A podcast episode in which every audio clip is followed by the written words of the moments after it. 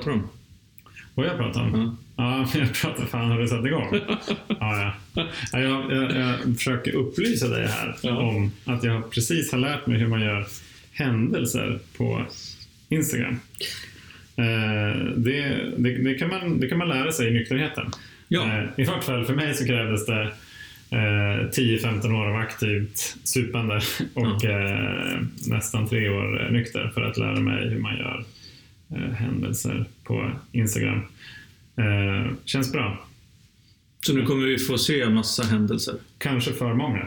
Kanske för många. Ja, vi får väl se hur det urartar.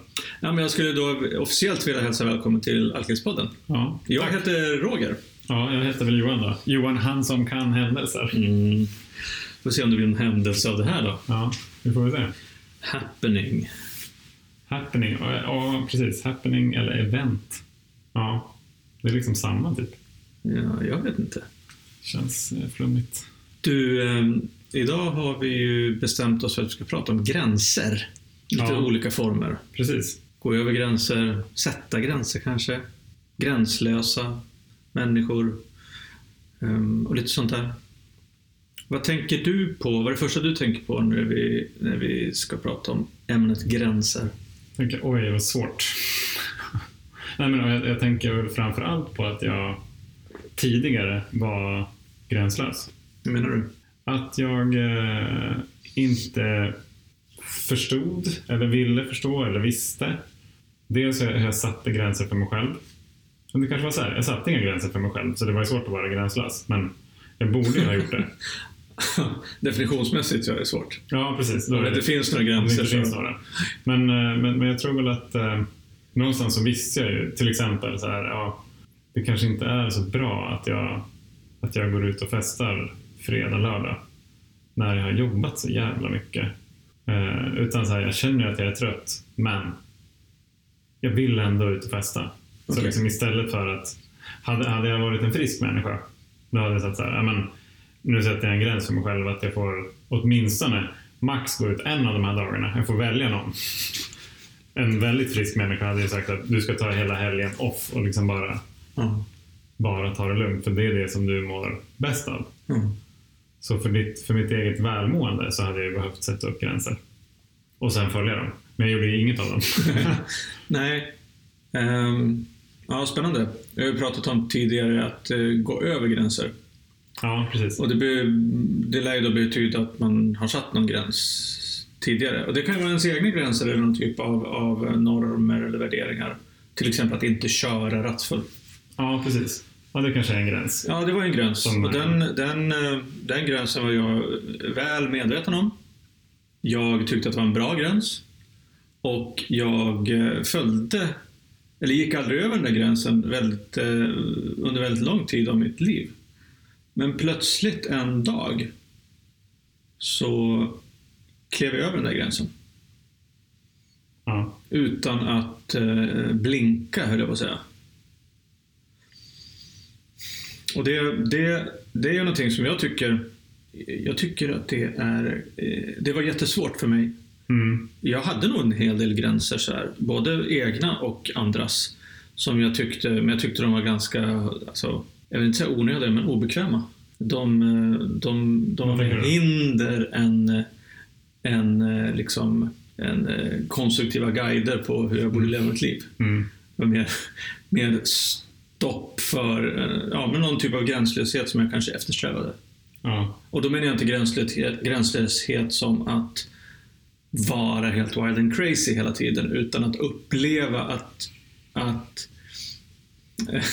ja, men uppleva någon typ av, av oberoende, frihet, ja, men, att jag bestämde själv över mig själv och mitt Mm. liv. Så då tyckte ju- jag att gränserna var jävligt liksom, de var bara i vägen. Ja, men då är, då är gränserna ett hinder, helt Ja. klart ju. Om de, de inskränker min, min frihet att välja precis det, det jag vill göra. Alltså till en början, eller i, i olika delar så tänkte jag så att, att jag medvetet gick över gränser eller bara liksom sket i dem. Alltså framförallt kanske sådana gränser som, som andra människor tyckte var viktiga. Eller som, som samhället hade satt upp. Alltså, Till exempel så var ju jag tvungen, tyckte jag, Mm. att dricka när jag körde bil därför att det var typ det säkraste stället för mig. Alltså där jag var Mm. själv. Jag körde bil varje dag till och från jobbet. Det, ja, det tog väl ungefär 20 minuter så att det, liksom, det fanns tid Mm. att dricka. Mm. Det fanns tid att vara mig själv innan jag då kom hem eller kom till jobbet. Där jag var tvungen att leva efter andra människors gränser Mm. och eh, inom deras ramar för hur man ska vara. Så att där fanns det också något, det fanns ju också något sånt där sjukt, alltså, jag kände mig ibland liksom att jag var rebellisk. Alltså Ja, medvetet så här att haha, jag kunde liksom skratta lite grann inuti mig själv åt, åt människor och normer och samhället för att jag på någonstans, någon, någonstans tyckte att jag var en rebell som faktiskt drack alkohol som jag ville Mm. När jag ville och liksom för mig själv. Mm. Haha, det här kan inte ni ta ifrån mig. Så lite grann så tänkte jag. Jag tänker ju mycket på, alltså mycket låter som att jag ligger bakom och tänker på det här, men så här, det jag reflekterar över nu är så här, vad betyder det egentligen att vara fri? Ja, exakt. För att sen med facit i hand så var jag ju inte direkt fri. Nej, men Även om jag trodde det då. Ja, nej precis. Men det, det, det tänkte jag nog också. Att så här, ja men vil- vilken härlig, what a free spirit. Det var mycket spirit i alla fall. Ja, ja, ja. Ehm, att jag liksom, ja men jag, jag såg nog också liksom något eftersträvansvärt i att så här, kunna, kunna liksom klara av någonting som inte andra klarade av. Mm. Typ jobba 60-70 timmar och supa 40 timmar i veckan. Ja. Här, haha, liksom. Men jag tänkte på... ehm, jag... eh, mycket av den här rebellkänslan, eller haha-känslan, den hade jag inuti mig själv. Det var inte så att jag gick runt och skröt om det. Hur var det för dig? Tyckte du liksom, gick du runt och boastade att du, jag kan minsann jobba och festa och ni kan ingenting? Gick du så här och hånade människor på måndag morgon liksom vid, vid företagsfrukosten? Liksom, äh, ser lite trött ut idag. Själv har jag festat 48 timmar i sträck och nu ska jag jobba 72 timmar i sträck. Nej, men jag, jag vågade nog aldrig eh, riktigt säga hur mycket jag festade. Nej. Jag liksom insåg att det var inte så bra någonstans. Jag fattade jag det.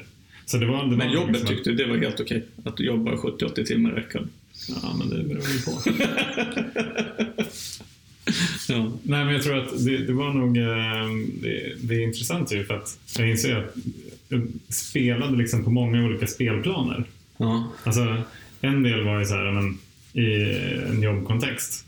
Och vi har ju pratat om normer tidigare. Mm. Så här. Då gäller ju liksom en uppsättning normer ändå. Och sen så kan det vara hemma så gäller en annan uppsättning normer och liksom närmaste kompisgänget så gäller en annan. Och sen så var det liksom med typ eh, ja, med något eh, Burning Man community så gäller någonting helt annat. Ja. Och jag ville liksom jag ville ju passa in i alla de där. Mm. Så att, jag menar för, för några så var det liksom inte alls coolt att jobba så där mycket. Liksom bara löneslav under liksom ett företag och bla bla. Liksom varför, varför, är det inte, liksom, varför är inte alla bara helt egna företagare och gör precis vad de vill? Och, så, och, och då, så jag lyfte ju inte fram någonting liksom, om jobbet i sådana kontexter. Till exempel. Nej. Och jag pratade inte så mycket om eh, fester och liksom allt jävla galenskaper som eh, man hittade på, Nej. på jobbet heller. Så det, jag vet inte om det var liksom någon annan än jag som hade hela den där bilden. Tror det inte. Troligen inte. eh, kanske liksom den, den, den som, de som visste mest av den var väl de som är närmast. Mm. Typ Josefina och närmaste kompisarna. Liksom. Men, men jag menar, de hade ju sett det där så pass länge ändå. Och det såg liksom på ytan ut att funka. Även fast jag vet att det var många som liksom frågade sig och frågade mig liksom, hur orkar du? Mm. Hur fan orkar du med det här? Och det gick ju liksom bra inom, inom citationstecken Ja. tills det inte gick så jävla bra egentligen eftersom så här, som jag sagt förut så klarade jag alla målen på jobbet till exempel och hade ju lägenhet. Men hur kände du dig? Hur mådde du? Ja, men, det, men det var ju det jag inte vågade känna efter Nej, okej. egentligen. Alltså jag, jag visste ju någonstans om jag känner efter här. Men tänkte då- du så? Ja, ja, absolut. Ah, fan vad spännande. Eh, Så du valde medvetet att inte stanna upp och känna efter? ja, ja, absolut. I flera, grymt. i flera jag vet inte, fem år kanske. Fyra, fem år. Något sånt. Ja, men jag, jag tänker så här, gör inte alla det? Nej. Nej, nej, nej. Ja, men alltså man kan ju fråga sig alla, alltså varje alkoholist liksom. Ja. Varför stannar du inte upp och kände efter? Ja, därför att eh, ja, man vågar inte, man kan inte, man har inte förmåga att, Mm. att göra det. Nej, fan vad spännande. Men jag tänker på det för att eh, jag har ju pratat med eh, Josefina. ja, just det. Och det som är lite spännande nu det är att vi vet inte riktigt om det avsnittet har- är släppt eh, innan det här avsnittet. Eller efter. Så att, Nej, man kan säga så här, jag har inte hört den. men- Nej, Johan har inte hört det. Nej. Men en sak som har kommit upp i samtal med Josefina även utanför podden, det är ju att, att hon tänkte ju hela tiden att det var jobbet som var ditt problem. Ja, just det. Och då, men då tänker jag så här att eh, för att du jobbar så mycket och, och var sur och grinig efter jobbet och så Mm. vidare. Och så vidare. Mm. Men då tänker jag så här, upplevde du att människor, både eh, alltså, Josefina eller släkt och vänner och familj eller på jobbet, försökte sätta gränser eller åtminstone snudda vid gränssättning när det gällde ditt festande och alkoholintag? Nej, jag tror fan inte det. Fan, du måste varit en jävel på att lyckas. Ja, men det var ju ofta, alltså jag, jag, jag kunde ju, alltså ibland när, när vi gick ut tillsammans, jag och Josefina, så hon gick ju alltid hem innan jag, för att hon är en frisk människa. och, eh, nej, men, och, och blir trött helt enkelt. Eller, ja, och, så, och så jobbar hon lördagar. Så att så här, om vi var ute fredag så var det så här, 12 liksom, så Mm. gick hon hem och då fortsatte jag alltid. Och då visste inte hon hur mycket jag drack då. Eh, och någonstans så det var väl ganska ofta som jag liksom höll igen. Eh, om vi var ute tillsammans. Men Ja, liksom nej, så mycket. länge hon var med. Precis, jag, jag tror det. Ja. Eh, mer eller mindre medvetet Ja. skulle jag säga. Ja. Eh, för att jag visste liksom att det här är inte normalt. Jag måste, efter det här så får jag liksom träffa upp folk som vill dricka som jag. Ja. Eh, Åh. och jag menar, ibland så kunde det vara ja, kompisar som jag träffade ute som jag kände, eller så var det bara så fortsatte jag kvällen själv tills jag hittade någon som ville dricka med mig. Mm. Det var ju liksom en ganska en skön toppennotering på, på slutet. Ändå. Ja. Eh, så det, var, det var egentligen helt sjukt. Bara, ja, vadå? Jag behöver liksom inte vara ute med kompisar. Jag kan väl bara gå ner. Det är massa folk liksom nere på kvarnen. Typ. Ja. Så sätter jag mig väl där i baren liksom skitfull. Ja. Och bara så här, försöker liksom få dem att styra upp en efterfest. Ja. För att jag tänkte att Josefina kanske inte vill ha en efterfest hemma hos sig. Nej.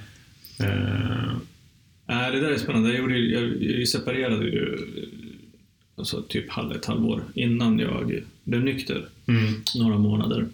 Och då kommer jag ihåg att då, då kände jag mig jävligt ensam. Liksom, för att både mitt ex och barnen var ju hemma där jag bodde förut. just. Ehm, och, eh, men då hittade jag, och det har jag inte tänkt på så jävla mycket, men jag ville ju också dricka. Och jag har berättat att jag drack mycket själv hemma. Ja. Alltså jag drack vin och vaknade upp med halvfulla vinglas Mm, och sådana saker. Men ibland så vill jag ändå ha någon, ändå ha någon mänsklig värme. Mm. Snälla kom närmare. Ehm, och då, nu när jag tänker på det, jag har inte tänkt på det på jättelänge. Då, då var det liksom så här, ja men O'Learys. Ja. Eh, så här, börja så här, lördag och söndag eftermiddagarna. Och sen bara stanna kvar där med helt totalt okända människor. Men som var där för att kolla på fotboll. Och, eh, eh, Ja, och liksom, för då, hade, då visste jag att då skulle jag ha någonting liksom att kunna hitta någonting att prata om. Ja. Och sen så kunde ju det sluta lite grann var som helst. När man då var med sina nyfunna härliga fotbollshuliganvänner. Ja. d- drog runt i stan. Liksom. Det är underbart. Ja, det är fantastiskt. Fan. Eh, ja, och varför pratar vi om det? Ja, gränser. Jo, men det är ju också sådär. Där finns det ju ändå kanske någon sån här, liksom, någon luddig, suddig gräns som vi försöker alltså, kringgå.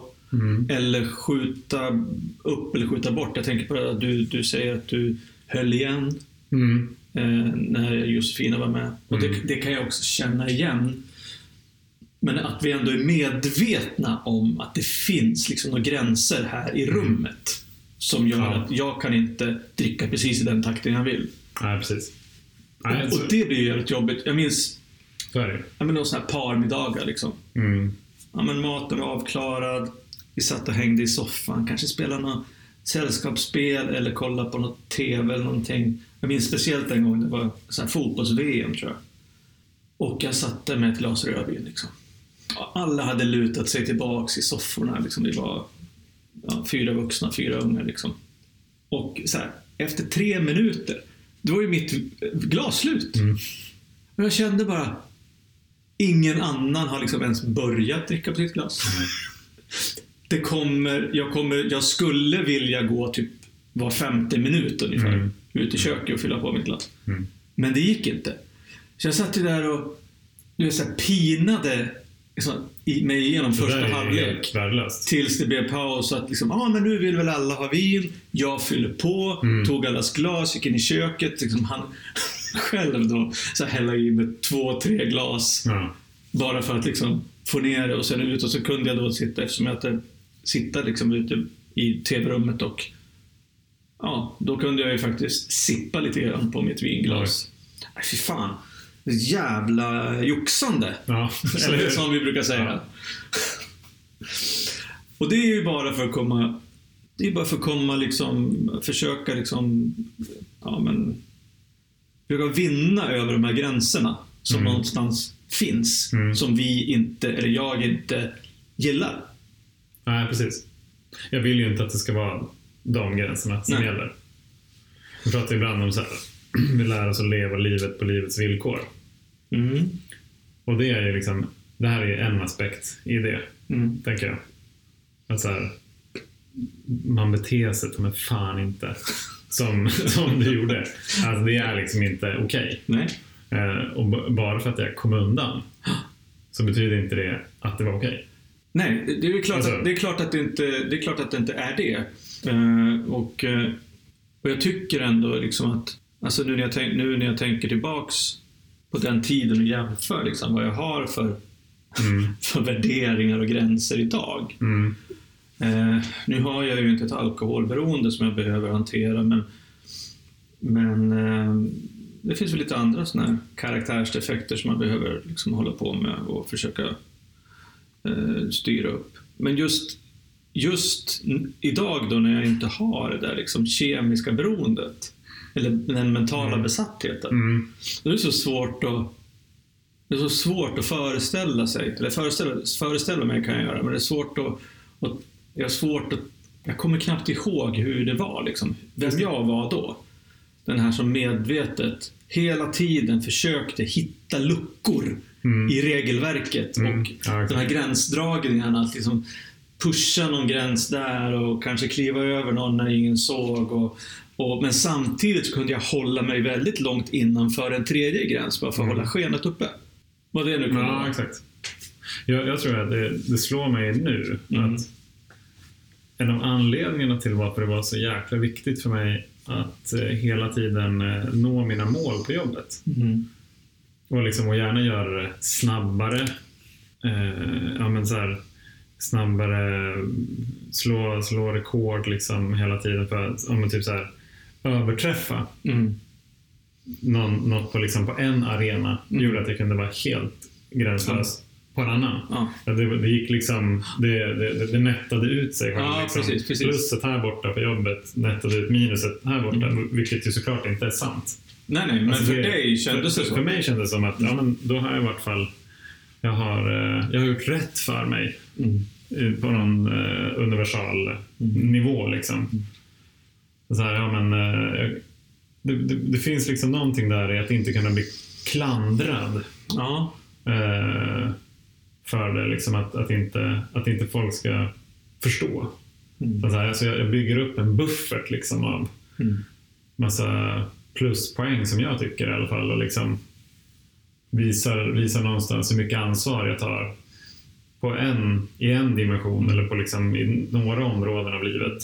Så att jag kan vara liksom fullständigt ansvarslös i en annan. Men det är också sådär att alltså, om man då är eh, framgångsrik i någon arena, på Mm. jobbet till exempel, Ja. då kan ju det också, den här bufferten, den kan ju också rädda någon enstaka bakismorgon eller någon, kanske något dumt man har sagt på någon firmafest. Alltså, Ja, det absolut. kan göra det. Jag säger inte att det gör det, men det skulle kunna göra det. Man Mm. använder det taktiskt på det sättet också. Mm.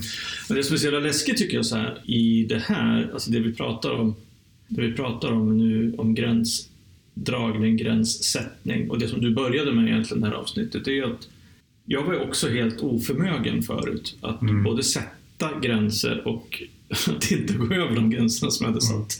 Om jag väl, liksom, om jag någon gång hade lyckats formulera någon gräns. Alltså till exempel att jag satte ju en gräns sista halvåret varje morgon när jag vaknade. Idag ska jag inte dricka. Mm. Det är en ganska tydlig gräns. Den är ju ganska binär som du brukar säga. ja, precis. Har jag druckit eller inte druckit? Ja. Eh, Så att eh, eh, på det sättet så var jag ju jättebra på att sätta gränser för mig själv. Mm. Fast jag vet inte, alltså, det är svårt att se, svårt att tänka tillbaka. För jag tänker så här att när jag vaknade upp och hade ångest för att jag drack så mycket och inte ville dricka, då trodde jag nog på den här gränsen som jag satt. Ja, just. Mm. För, för mig var det sant då, i det ögonblicket. Mm. Just. Men sen så liksom vittrade den där övertygelsen bara sönder och försvann Mm. utan att jag egentligen... Jag vet att eh, både jag och många andra alkoholister som jag pratat med bara vittnar om att nej, men det var inte ens en intern dialog. Jag behövde Nej. inte förhandla med mig själv. Eller jag, jag fattade knappt ens ett medvetet beslut. Plötsligt hade jag bara köpt alkohol. Mm. Eller plötsligt satt jag på krogen eller plötsligt så drack jag den här ölen. Utan det, det är så här liksom att det någonting tar över och Mm. jag är inte omedveten om det men liksom oförmögen att, att inse och för, förstå och faktiskt göra någonting åt det. Men på andra, alltså på andra på andra områden som till exempel ja, men, mitt e, alltså se på mig själv Mm. min del i det. Det var jag ju väldigt, eh, Var du bra på det när du var aktiv? ja, vä- väl, väldigt bra. Jag minns, jag minns, eh, alltså jag, jag fick ju så här, alltså mitt, mitt ex och även mina barn så tyckte så här, men du, du är alltid, du är alltid fullast när vi, Mm. när vi, har, när vi är med folk. Eh, Du måste, måste du dricka liksom varje helg eller Mm. där. Och mitt- Ja, det är helg. Ja, ja precis. Och, liksom, och mitt, eh, mitt motargument, det var ju liksom, ja men alla andra Mm. Får ju någon gång liksom supa skallen i bitar för att liksom lätta på trycket eller spänna av och, och liksom sådär. Mm. Men var, varför får inte jag det liksom? Mm. Så då la jag det, den här liksom, åsikten och gränsen eller värderingen, la jag den liksom i knät på mitt ex och tyckte att ja, men du tycker bara att jag beter fel, men alla andra då? Mm.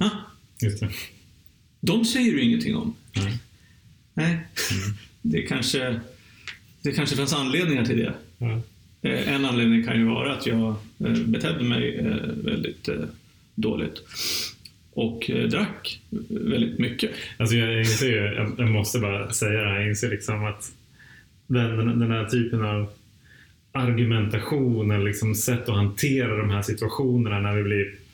Ja, men någon, någon upplyser oss om nu har du druckit så här mycket eller så här ofta och liksom, Mm. du blir alltid fullast och, liksom, och så kommer det tillbaka så här. Ja, men vadå med alla andra då? Så Eller du då? Ja, precis. Eller du då. Ja. Så här. Eh, eller så kan det vara att jag helt och hållet bara ignorerar verkligheten. Att jag intalar mig själv att det här är okej. Mm. Att göra så här för att ja, jag har förtjänat det på något vis. Mm.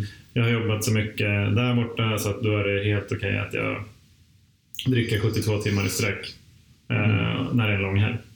Ja. Eller så kan det ju vara ja, det, liksom, vad, som, som på något vis är liksom helt gränslöst. Mm. Det liknar väldigt mycket den, den stilen som Trump har. ja. Ja, så här, whataboutism. Ja, Ja, precis. så här, om man får, får en fråga om så här, ja, men hur var det med liksom den här eh, den här skattedeklarationen eller det där. Ja, men vadå, hur var det med Hillary Clinton? Mm. Det är inte det vi pratar om. Nu pratar vi om, Mm. liksom, om dig här. Eller eh, fake news. Eller eh, Mm. det, var, det, var, det var dubbelt så många på min eh, inauguration som Obamas. När det Mm. tydligen var många färre. Liksom, på, på Trumps. Det är så här, att verkligen att inte, att inte vilja acceptera verkligheten bara för att jag gillar den inte. Då säger jag bara det, det är någonting annat. Jag vägrar acceptera den. Och sen så kör jag liksom på. Eh, vad- jag, vet, jag vet inte om det säger någonting om Donald Trump, men det, det säger i alla fall någonting om, tänker jag, om hur vi resonerade när vi var aktiva. Ja, exakt. Och det kan ju vara så här att om det, om det är någon där ute som lyssnar som tycker att liksom, ja, men det går ju inte att argumentera med Donald Trump. Han har ju, som, han, han har ju- fel svar på allting. Ja, precis. Ja, det är Ja. ungefär som att argumentera med en alkoholist. Ja, exakt. Det är ganska likt faktiskt. Ja, det är, eh, sen får vi se kanske. eh, En alkoholist har åtminstone chansen att slå i botten Ja. och göra någonting åt saken. Eh, Jag vet inte tusan vad Donald Trump ska göra för att eh, komma till rätta. Nej, men det, det har inte spelat någon roll vilka konsekvenser Nej. han, han har fått. Liksom att ett världssamfund är emot honom. Ja. Han tycker ändå att jag gör ett jättebra jobb här som ledare för världens mäktigaste land. Ungefär. Det är snarlikt liksom ett alkoholistiskt tänk. Ja. ja. Jag kommer att tänka på, också, in- inte för att det har någonting med Donald Trump att göra, men, men eh, jag skulle på, skulle på en middag med, det var- tänkte säga herrmiddag, det var det väl för att det var liksom sex herrar, grabbar. Mm. Det var tidigare kollega när jag var i Danmark och så var det liksom ett, ett litet gäng, det var sex pers. Och den här middagen skulle börja vid så här 6-7, var på en lördag. Varpå jag givetvis tänkte, jag kan inte wastea hela lördag liksom förmiddag, dag på att vara nykter. Utan det får jag ju styra upp. Så jag, jag var hemma hos en annan kompis eh, och festade med honom från lunch och, och framåt till, till sex. Och liksom tänkte så här, men det var jättemysigt. Så får jag liksom så här, det bästa av två världar. Vi har liksom supermysigt här. Det gick så- såklart liksom i ett rasande jävla tempo så jag hade väl petat i mig 15 öl eller något sånt där. Mm. Innan, innan jag kom till, liksom, till den här herrmiddagen då. Som var Ja, men det var liksom en, en trevlig middag, Ja. men, men folk förfestade inte innan de skulle gå på middag. Det gör tydligen inte. Jag vet, det är sjukt. Ja. Eh, och, eh, och jag kommer inte riktigt ihåg liksom hur länge jag är kvar. Men någonstans så liksom tycker jag så här, "Nej, men det här, det här var ju inget kul. För liksom, de här festar inte. I min värld, i mitt huvud, så var det så här, jag kommer fan glida rätt in och kommer få fart på hela festen och liksom det kommer bli Mm. Kommer ju bli galej här, det blir världens partaj. Men det, det blev inte det. Så att jag var väl kvar där i 45 minuter kanske. Och så, här, och så åkte jag tillbaka eh, till kompisen och så Mm. fortsatte vi den festen. Ja. Långt in på söndagen tror jag. Ja. Det var inte det stoltaste ögonblicket, men det, det som var intressant var att jag, jag tänkte inte någonstans då att jag gjorde fel. Nej. Inte, liksom, inte under den perioden. Jag tänkte så här, ja, men innan. Det är en bra idé att jag träffar upp honom. Jag vill träffa honom. Det är, det är kul och liksom så. Och sen så går jag på den här middagen. Ja, det blir ju bra. Ja. Och sen så när jag väl är där tänkte jag, ja, jag kan väl ta en öl till. Jag är nog inte, jag är nog inte så full nu. Det, liksom, tanken slog mig med att säga, nej men det är lugnt, jag har koll liksom, på läget. Men eh, är, väl, är väl inte så bra på att spegla mig själv kanske i, i min egen eh, eh, fyllenivå. Nej. När jag har druckit över tio öl. Och möter Nej. folk som är helt nyktra sen på den här middagen. Eh, men, eh, men det, ap- apropå gränser faktiskt, så, så var det två av dem, ja, han, som, han som hade middagen och den andra eh, eh, de tog faktiskt upp det här Mhm. sen.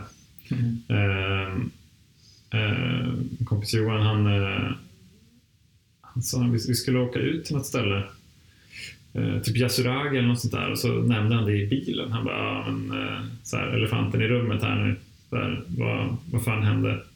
på den här middagen? Liksom, vad, vad var det du tänkte? Det var väldigt... Det blev jävligt awkward det där liksom. Mm. Och eh, den, den kändes faktiskt. Eh, jag hade ju på något vis här, hoppats att det kanske inte var så illa ändå. Alltså så här, dagen efter bara, oj vad hände där? Oj, ja, det där var kanske inte så bra. Men det ville jag inte tänka på. Nej. Hur det var egentligen. Och sen så pratade jag med han som hade eh, middagen någon vecka senare och bad om ursäkt. Och den, den, den godtogs liksom så. Men, eh, men med, med tydligt, ja det var inte okej. Jag blev besviken på att du, på att du gjorde sådär. Jag hade, jag hade hoppats att du kunde vara nyktrare. Ja. Inte nykter liksom, det visste han väl att jag inte skulle vara. Men att jag skulle liksom vara så full och liksom vara så gränslös och respektlös. Eh, så det är så här, liksom, sitta och skäms verkligen liksom Ja. retroaktivt. Eh, Men hur, hur, hur när, när, för jag tänker så här att det där är ett klassiskt eh, exempel på flera saker. Ja, bland annat det att man är väldigt egocentrisk. Att, att, Ja. att, ja, men jag tänker på hur Alltså jag vill lista ut på hur jag kan få mest ut av den här kvällen eller hur jag kan Mm. fixa så mitt drickande blir okej. Hur jag ska kunna hålla liksom en, en liksom accepterad liksom fyllenivå hela kvällen. Mm. Liksom, ut, det, det är det ena och det andra är att liksom, det finns noll så här, hänsyn till andra människor. mm, ja, precis. Och sen det, det tredje är också det här om, alltså du, du kände ändå skam efteråt. Mm. Men ehm, ja, hoppades väl att det skulle liksom blåsa förbi. Liksom. Ja, bara försvinna. Ja, utan bara att jag skulle behöva ta ansvar för det. Exakt. Mm.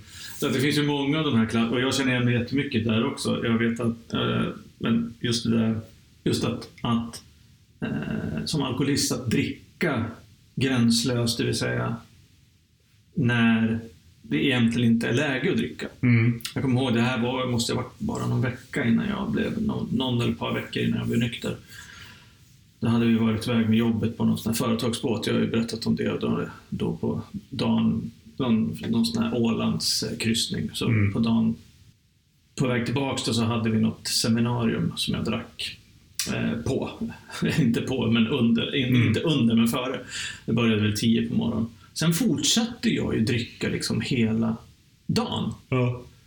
Och eh, jag vet jag träffade folk när vi skulle gå av båten i Stockholm liksom, som tyckte att jag luktade öl. Mm. Och så bara, oh fan hur mycket drack du igår? Frågade de. Mm. Eh, ja, så kan man tänka. Ja, men det blev lite mycket igår. Mm. Ja, jag. Ja. Hade ju druckit hela dagen liksom. Ja. Ja. Eh, Just det att normala människor tänker att jag luktar så illa för att jag, in, för att jag drack mycket dagen innan. Ja, inte för att jag har druckit liksom hela morgonen och förmiddagen. Mm. Och sen så, så åkte vi någon sån här eh, chartrad buss hem till Västerås då och jag, jag vet inte om jag tog, hade bilen någonstans så jag tog den ut, det skulle väl inte förvånat mig. Men det, då, hade jag, kunde, då drack jag öl hela vägen tills jag kom hem. I Mm. princip. Så här, Mm. klockan fyra en torsdag Mm. eftermiddag. Och liksom kliver in i köket där liksom och tycker att allting är... Och mitt ex liksom bara, Fan är du full eller? Jag bara, nej. Mm. Så här uppenbart onykter och så bara blånekar. Mm. Nej. Ja, men du, vad du luktar liksom, du, dina ögon är helt simma. Nej, men det måste varit från, jag var uppe så sent i natt vet du. Mm. Försökte köra den här liksom, att det var bakfylle dagen efter. Och liksom hon bara, nej, men... Sen bara, ja men okej då. Ja, men vi tog några öl på båten i morse. Hon bara, i morse är du dum i huvudet? Liksom. Ja men du vet, var grabbarna ville ta... Så så här, grabbarna ville ta öl. Inget ansvar själv. Inga gränser själv. Och sen så lyckas på något vis ändå den gången. För så att det här var då en eller två veckor innan, innan mitt ex rapporterade mig till min businesspartner. Mm. Den gången lyckades jag liksom komma undan. Mm. För jag gick väl och la mig gissar jag. Jag var ju skittrött. Jag hade varit uppe hela natten och morgon och druckit, liksom, Mm. druckit så här, så här 36 timmar i sträck. Mm. Men också den här, den här att inte, jag tycker det är jävligt viktigt är det inte just det, det finns det är så jävla respektlöst beteende. Ja, ja absolut. Alltså jag har ingen respekt för någonting. Nej. Alltså ingen respekt för att andra människor eh, tyckte någonting om mig och mitt drickande överhuvudtaget. Eller att de brydde, mig, brydde sig om mig, eller att de gjorde det för att liksom, "Ja, men det här är några som älskar mig. De vill liksom att jag inte ska fara illa. Mm. Utan bara, nej men det, du, jag har inte druckit, du är dum i huvudet. Liksom. Eh, ja. Mm. Så, Nej, precis. Det, det är faktiskt jävligt sant alltså. När, när de som orkar bry sig om oss tillräckligt mycket Mm. för att ta, ta ett ansvar som de inte ska behöva göra nej. och sätta en gräns. Då, då, då, då så gör det, det verkar som att vi delar den, så gör det som att du hindrar mig Ja. liksom i, eh, i, min, eh, i min härliga värld här där jag får liksom dricka som jag vill. Mm. Och liksom, du ska minsann inte komma här och liksom säga vad jag får och inte får göra. Speciellt inte när det gäller drickande. Nej. Jag, funderar på liksom om det var, om det var okej för andra att sätta gränser vad gäller annat. Så jag tror det. Men vad tänker man lever ju ändå i en värld av gränser liksom, i samhället, Ja. på jobbet, i skolan. Alltså, Ja, precis. alltså sådana grejer. Och, och många av dem följer man så länge de inte är i vägen. Mm. För, eller på slutet i alla fall. Så jag menar, jag körde onykter. Jag drack när jag körde. Jag Mm. eh, drack på jobbet liksom. Mm. Göm, gömde, gömde det för, för arbetskamrater och sådär. Och då, ja, men då var ju ändå liksom, de var ju ändå mina anställda. Mm. Det var inte så att jag tyckte att jag hade någon maktposition, men man tycker snarare tvärtom att jag borde känt att jag hade ett ansvar för dem. Ja. Men det, nej, det hade jag ju inte. Mm. Men det är, det är jävligt spännande här, för nu börjar vi komma till den här svåra gränsfrågan. Mm. Den här som vi har fått, eh, vi har fått lite, lite mail om det här också. ja, just det.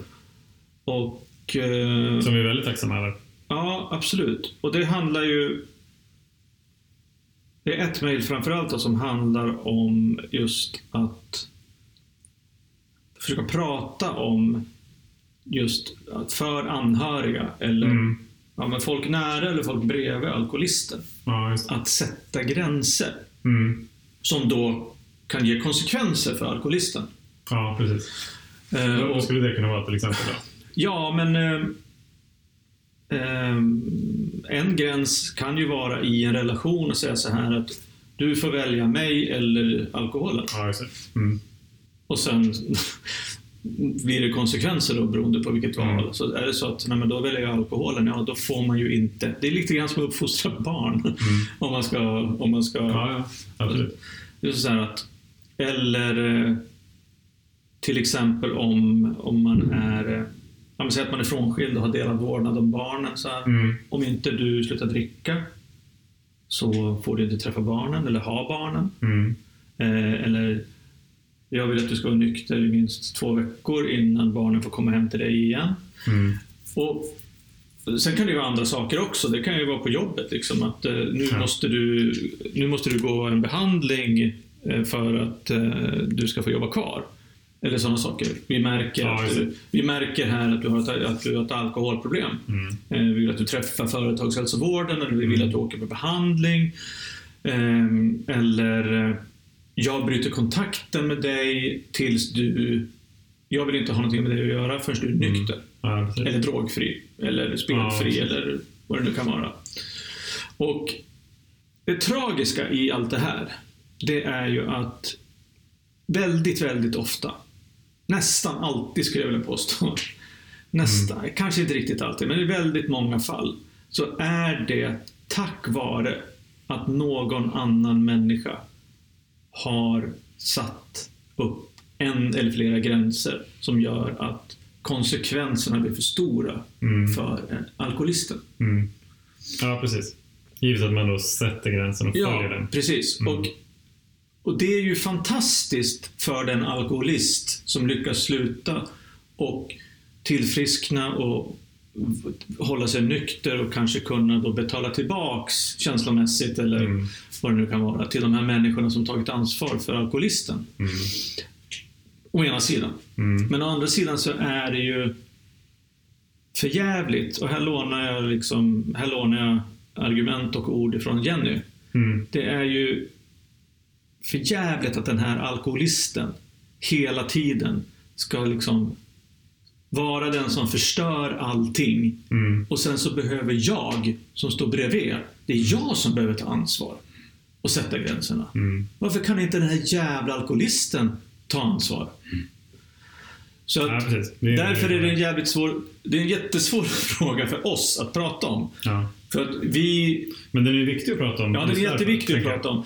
Det har hjälpt mig. Det var ju tack vare att mitt ex tog ansvar eller satte gränser som jag blev nykter. Ja.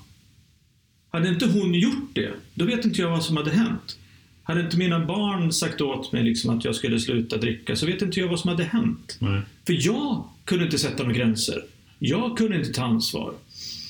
Och det är det också som jag tänker på, så att alkoholismen är ju den här folksjukdomen som gör att alltså en alkoholist drabbar, Ja, drabbar många människor. Så sjukdomen slår liksom kanske faktor 1 till, till 4. Mm. Att en alkoholist kanske också smittar fyra människor minst liksom, i sin Ja, omgivning. det, Absolut. Så att om man leker lite grann med siffror, utan att ha några siffror nu, kära lyssnare, men en vedertagen gissning är typ 10% är alkoholister. Mm. Det är en miljon i Sverige då. Ja.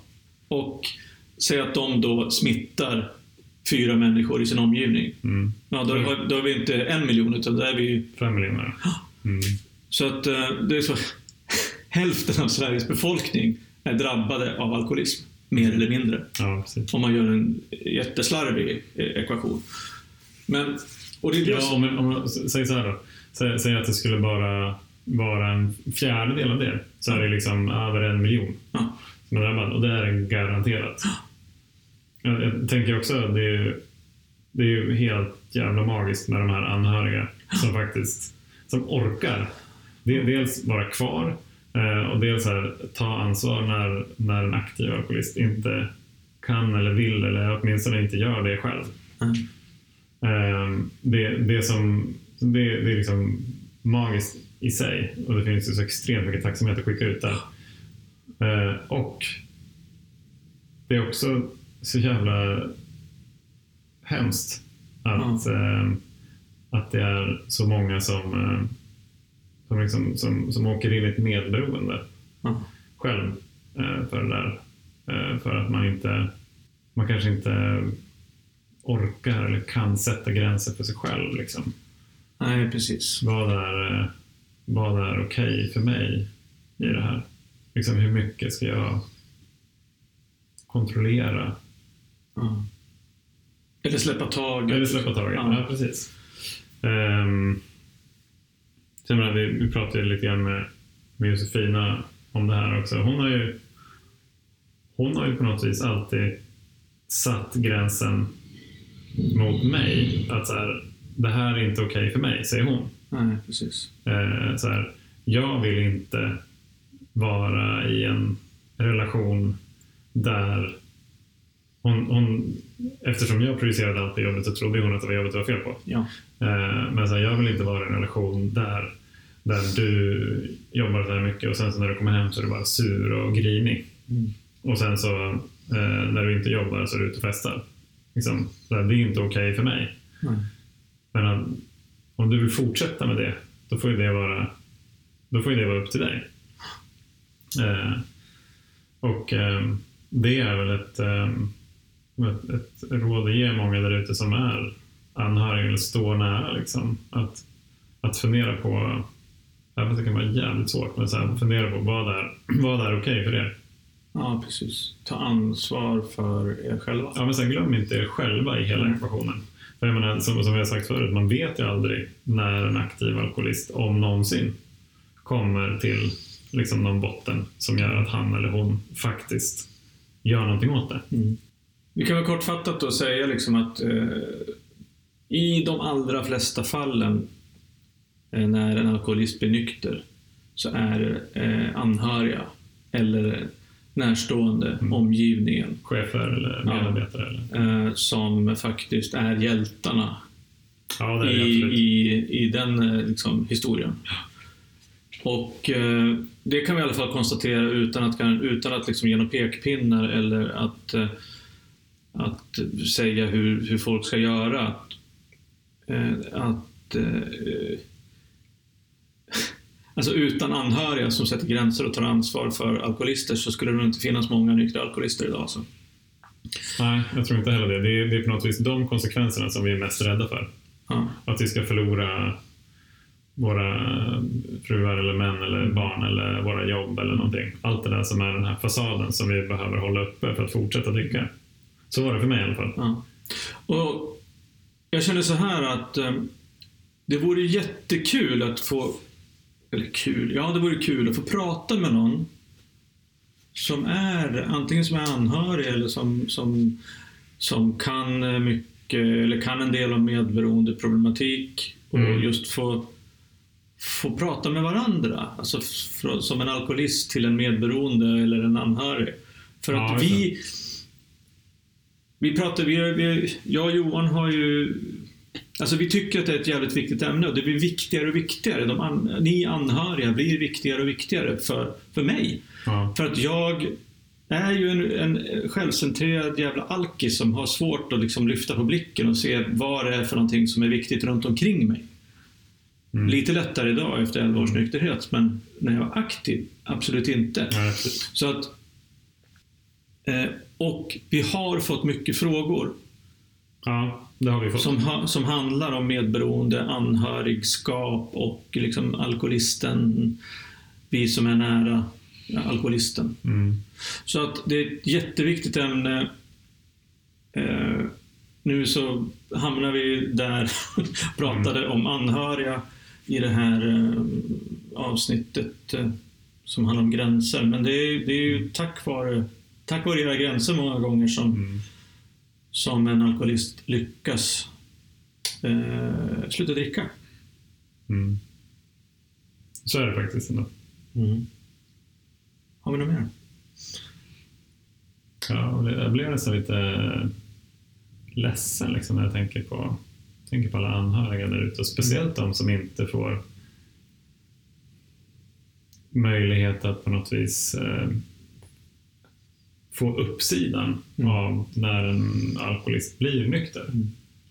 Som bara de som har fått gå igenom liksom, jobbiga perioder, sätta en gräns och sen så liksom tar relationen slut av en eller annan anledning. Mm. Det är ju... Ja, det, det känns ju orättvist på många sätt. Ja, Ehm, det gör det. Men, men jag tror att ehm, för att liksom återknyta till, eh, till gränser så är det också liksom mycket det som vi lär oss i nykterheten själva. Ja. Alltså att ansvar för oss själva till exempel. Precis. Ja, men precis. Sätta våra egna gränser. Mm. Eh, först och främst eh, förstå att vi behöver ta ansvar för det. Mm. Ehm, och sen så eh, att sätta gränser. Sen så göra vårt bästa för att följa de här gränserna som vi har satt upp. Vi kan liksom inte... ehm, vi kommer ju aldrig kunna göra det på ett kärleksfullt sätt mot andra om vi inte börjar med oss själva. Nej. Så är det. Det är ju på något vis, jag har ju liksom snackat tidigare om den här relationstriangeln med liksom ärlig kommunikation, respekt och tillit. Och själva respektdelen där, det är ju att sätta gränser gentemot mig själv och liksom i, i förlängningen gentemot andra. Men för det så behöver jag vara ärlig först och främst. Vad är det jag behöver? Alltså den där, jag tror att jag under liksom 10-15 år av aktivt festande, jag, till slut så ställde jag mig inte ens frågan. Nej. Jag kanske gjorde det i början. Här, borde jag inte... Jag, menar, jag var inte ute och festade fyra dagar i veckan 15 år i rad, men jag var det de sista fem åren kanske. Mm. Så någon gång så har jag ställt mig själv frågan, men jag har bara inte, inte velat lyssna på den. Inte velat fundera på vad svaret är och inte svarat. Mm. Så den där liksom förmågan att, att fundera på vad fan jag behöver, den bara försvann efter ett tag.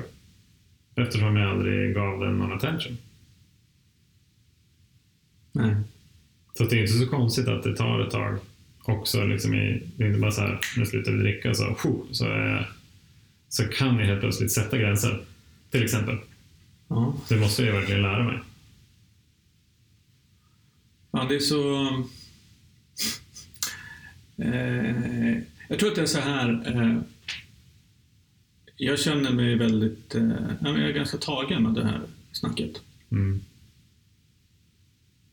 Och eh, jag tror att, att eh, de här samtalen som vi har idag och som vi har haft de senaste dagarna. Vi har spelat in ganska intensivt de senaste tre dagarna kan jag Mm. Det gör väldigt mycket med mig. Mm. Jag, eh, det sätter igång känslor och processer i mig som, som, som faktiskt... Eh, alltså jag börjar bli... Jag börjar bli liksom redo att nej, men gräva... Jag tror jag, tror jag vill gräva lite djupare i, i, i, i mig själv. Liksom. Mm. Ja, det, det kommer upp mycket som... Alltså, du sa att du känner dig ledsen. Jag känner mig också... Ja, jag känner mig också lite ledsen när Mm. vi pratar om det här. Därför att Mm. alltså det, det väller upp ganska mycket ja, men både tacksamhet men också känsla av orättvisa och, och eh, just det där skam för att jag inte liksom lyckas sätta egna gränser och ta ansvar för mig själv. Att jag var tvungen att låta andra och att det är så Mm. många av oss som är tvungna, att andra människor är tvungna att ta hand om Mm. oss. Mm. Säga till oss vad det är som vi ska göra, att vi gör fel. Mm. Och det är jag så jävla sugen på faktiskt, efter nu när jag är nykter, att ta reda på varför, varför är det så här? Alltså Mm. den här djupt nere eller upp, antingen i hjärnan eller hjärtat eller magen eller vad fan det nu är någonstans. Jag vill, eh, jag vill liksom gräva det där. Mm. Så att Tack ni som orkar lyssna på de här, eh, det är väldigt terapeutiska samtal måste jag säga, Mm. som vi har. Eh, sjukt härligt. Mm. Ja. Ska vi nöja oss eller? Jag, tror att vi, jag tror att vi måste göra det. Jag tror att vi bara, båda behöver smälta det på något sätt. Ja. Eh, Men det är, det, är inte, det är inte sista gången vi pratar om ansvar och gränser. Anhöriga såklart.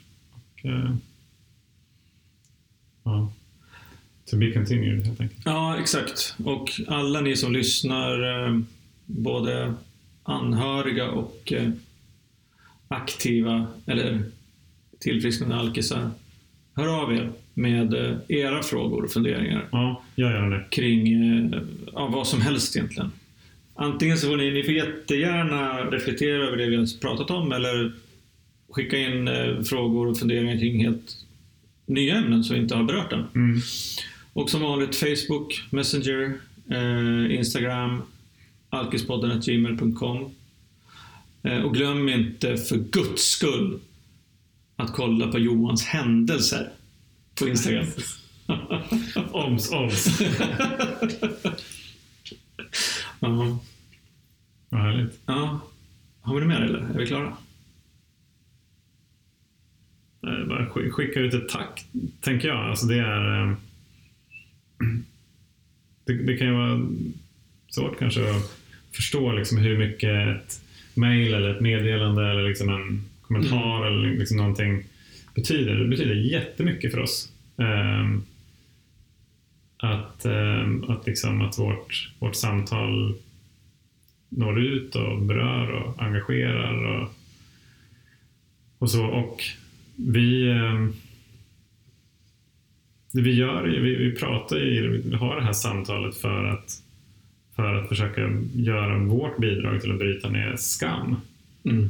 Ehm, och som sagt, om det finns ämnen som vi borde prata om för att som, som kan hjälpa oss att bryta ner den här skammen Mm. så, så vill vi gärna ha dem. Vi, eh, vi har ju verkligen ingen grandmaster plan över liksom hur det här är. Nej. Vi har det inte. Eh, Nej. utan det är, det är ett väldigt levande samtal. Ja, och det är inte exakt. bara vi som för det, utan det är liksom även ni som lyssnar. Eh, I den utsträckning som ni vill. Jag tänkte på det, det var, det var bra att du tog upp det där Grandmaster Plan. Att jag tänkte så här, ju mer vi pratar desto färre svar har vi ju. Ja, Lite så är det ju. För att vi, vi, vi utvecklas ju också genom att samtala. ja, Så att de här två killarna som slängde upp en mobiltelefon i, på Johans köksbord i maj för att börja spela in Alkis-podden. mm, De, fan vilka naiva människor. nu, nu sitter vi här och reflekterar över saker som vi inte kanske tänkte att vi skulle prata om på samma sätt. nej precis. Jag hade ingen aning. Nej. Nej, och sen eh, en stor shout-out till alla anhöriga. Ja. Ni som känner er träffade, att ni, ni behöver eller måste ta ansvar för någon annan eller måste sätta gränser. Eh, jävla starkt jobbat. Mm, verkligen. Men eh, glöm inte er själva. Ta hand om er själva hörni. Grymt. Tack Roger. Tack Johan. Ha en trevlig helg. Vi hörs sen. Det gör vi. Hej då.